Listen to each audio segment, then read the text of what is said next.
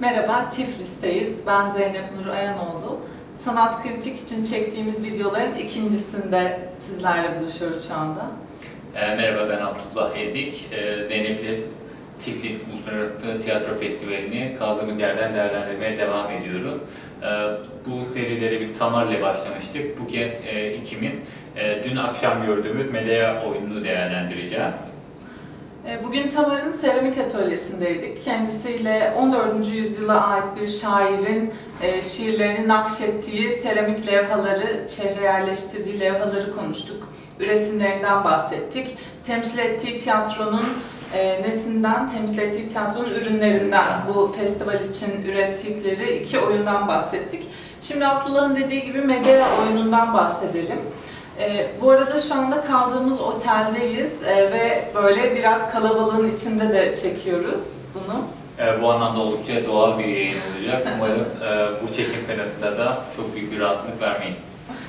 Evet, mikrofonumuz da yok ama eldeki şartlarla bu kadarını yapıyoruz. Bu arada az önce yayına başlamadan önce Alman bir e, muhabir yanımıza e, geldi, gazeteci misiniz diye sordu. Çünkü Rusya-Ukrayna savaşından ötürü şu anda e, Gürcistan sınırında çok ciddi bir hareketlilik var ve şehre hem protestolar yağıyor hem de e, mülteciler çok fazla geliyor. Bir yandan da tiyatro oluyor ama tiyatronun arka planında da Covid zamanındaki gerçekleştirilememiş işler var bir yandan da.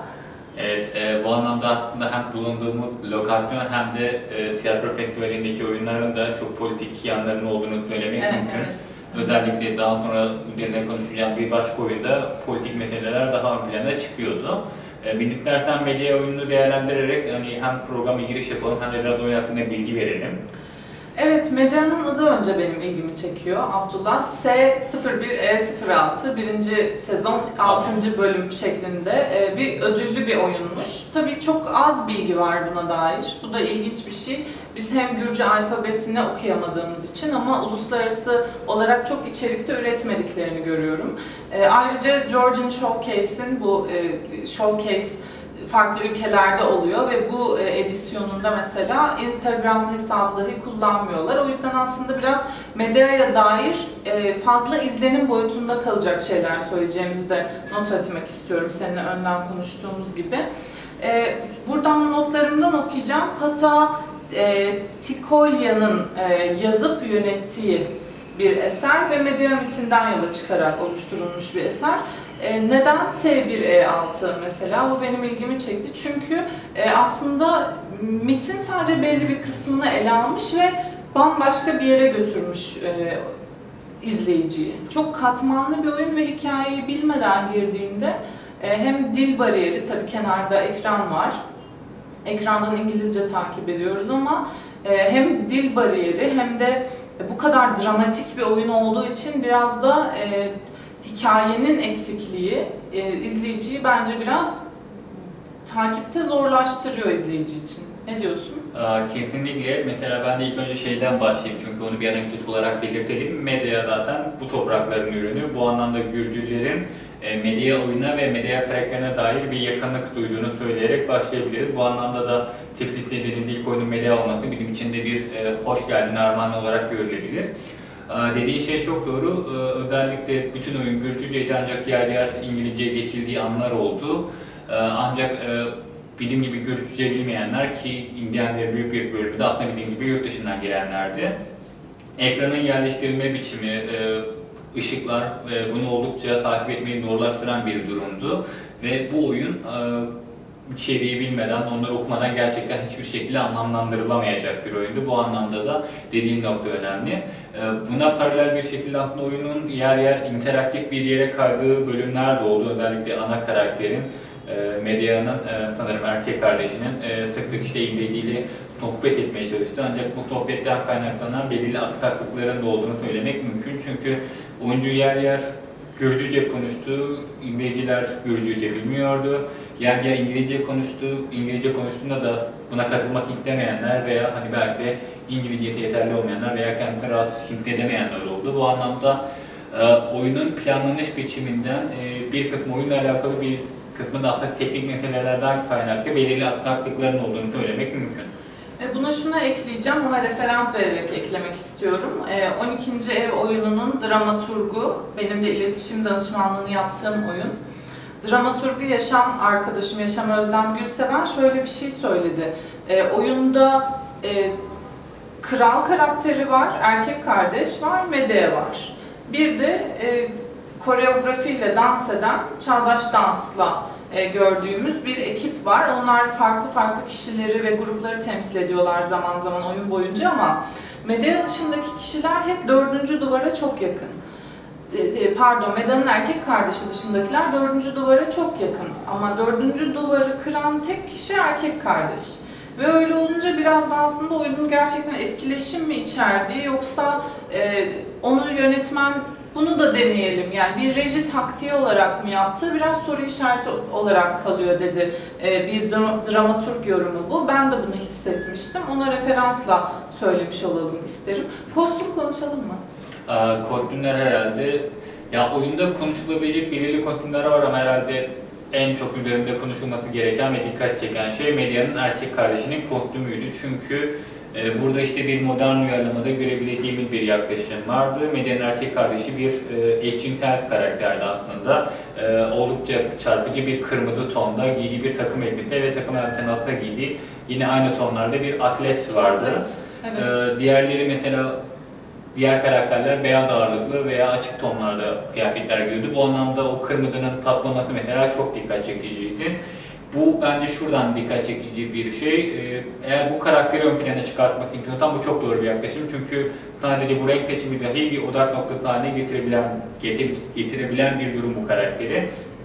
Ancak oyunun adı Medea mesela. Bu aynı zamanda Medea'yı da çok geri planda bırakıyordu. Çünkü diğer karakterler hep birbirine çok yakındı. İşte dansçılarla mesela Medea arasında bir e, kostüm olarak, kıyafet olarak veya Aynı dikkat renk. çekiciliği olarak hiçbir fark yoktu. Bu bilinçli bir tercihtir diye düşünüyorum. E, ancak bu bilinçli tercihi ben çok da olumlu bu anlamda yansıdığını düşünmüyorum kendi adıma. Ha, ben öyle düşünmedim. Ee, şunu da söyleyelim. Royal District, District Theatre'da izledik biz bu oyunu. Ee, eski bir bina ve mesela e, diğer gördüğümüz binalara kıyasla henüz e, oyunlar izlemiş değiliz gördüğümüz binalarda ama gördük.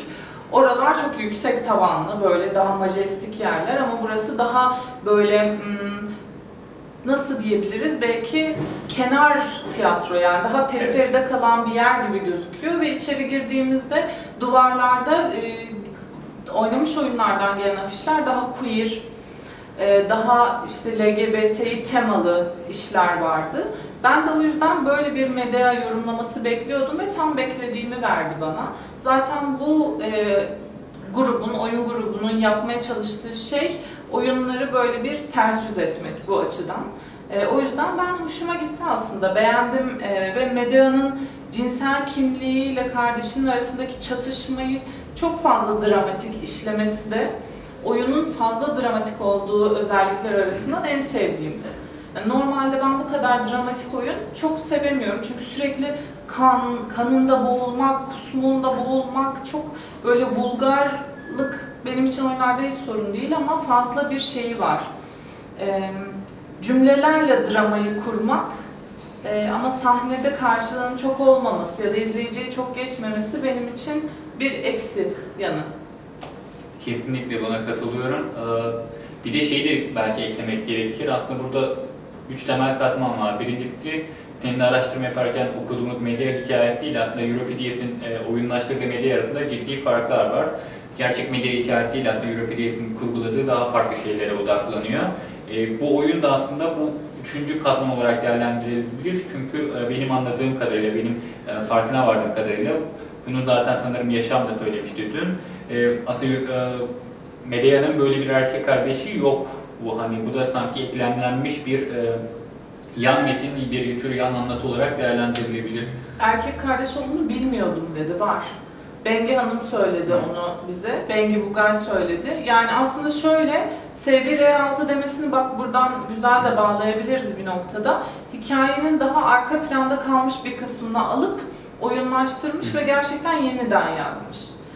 E, diyeceğim ve şeye geleceğim. Mesela çok fazla medya, medya, medya deniyordu. Hatta e, yine 12. evin yaratıcısı Melek Ceylan e, bunu söylememi ister miydi bilmiyorum ama şey dedi. Bir kez daha medya denseydi bayılacaktım düşüp diye. Gerçekten aslında belki kırmızı erkek kardeşteydi ve e, gay bir erkek kardeş görüyorduk ama tavırları, poz vermesi, elini beline atması hani çok bariz bir gay performansı sergiliyordu ama medyada çok fazla dildeydi. Çünkü burada da çok anlatılıyor ve baktık ya Batum'da bir medya heykeli açılmış. 2006'daydı galiba Cumhurbaşkanı tarafından açılmış. Böyle bir şeyleri var. Güzel oldu. Güzel bir karşılama oldu bizim için.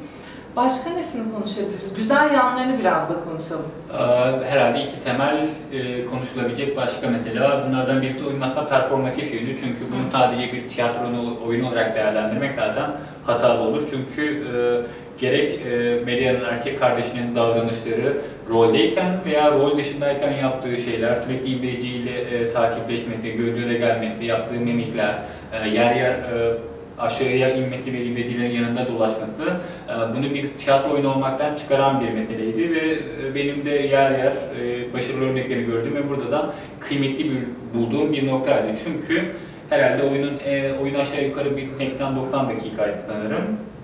Oyunun en başarılı bulduğum kısım ilk 30 dakikaydı ve bu ilk 30 dakikada aslında zaten bütün hikayenin bu erkek kardeş etrafında yoğunlaştığı ve onun aslında tamamen kendini gösterdiği bölümdü.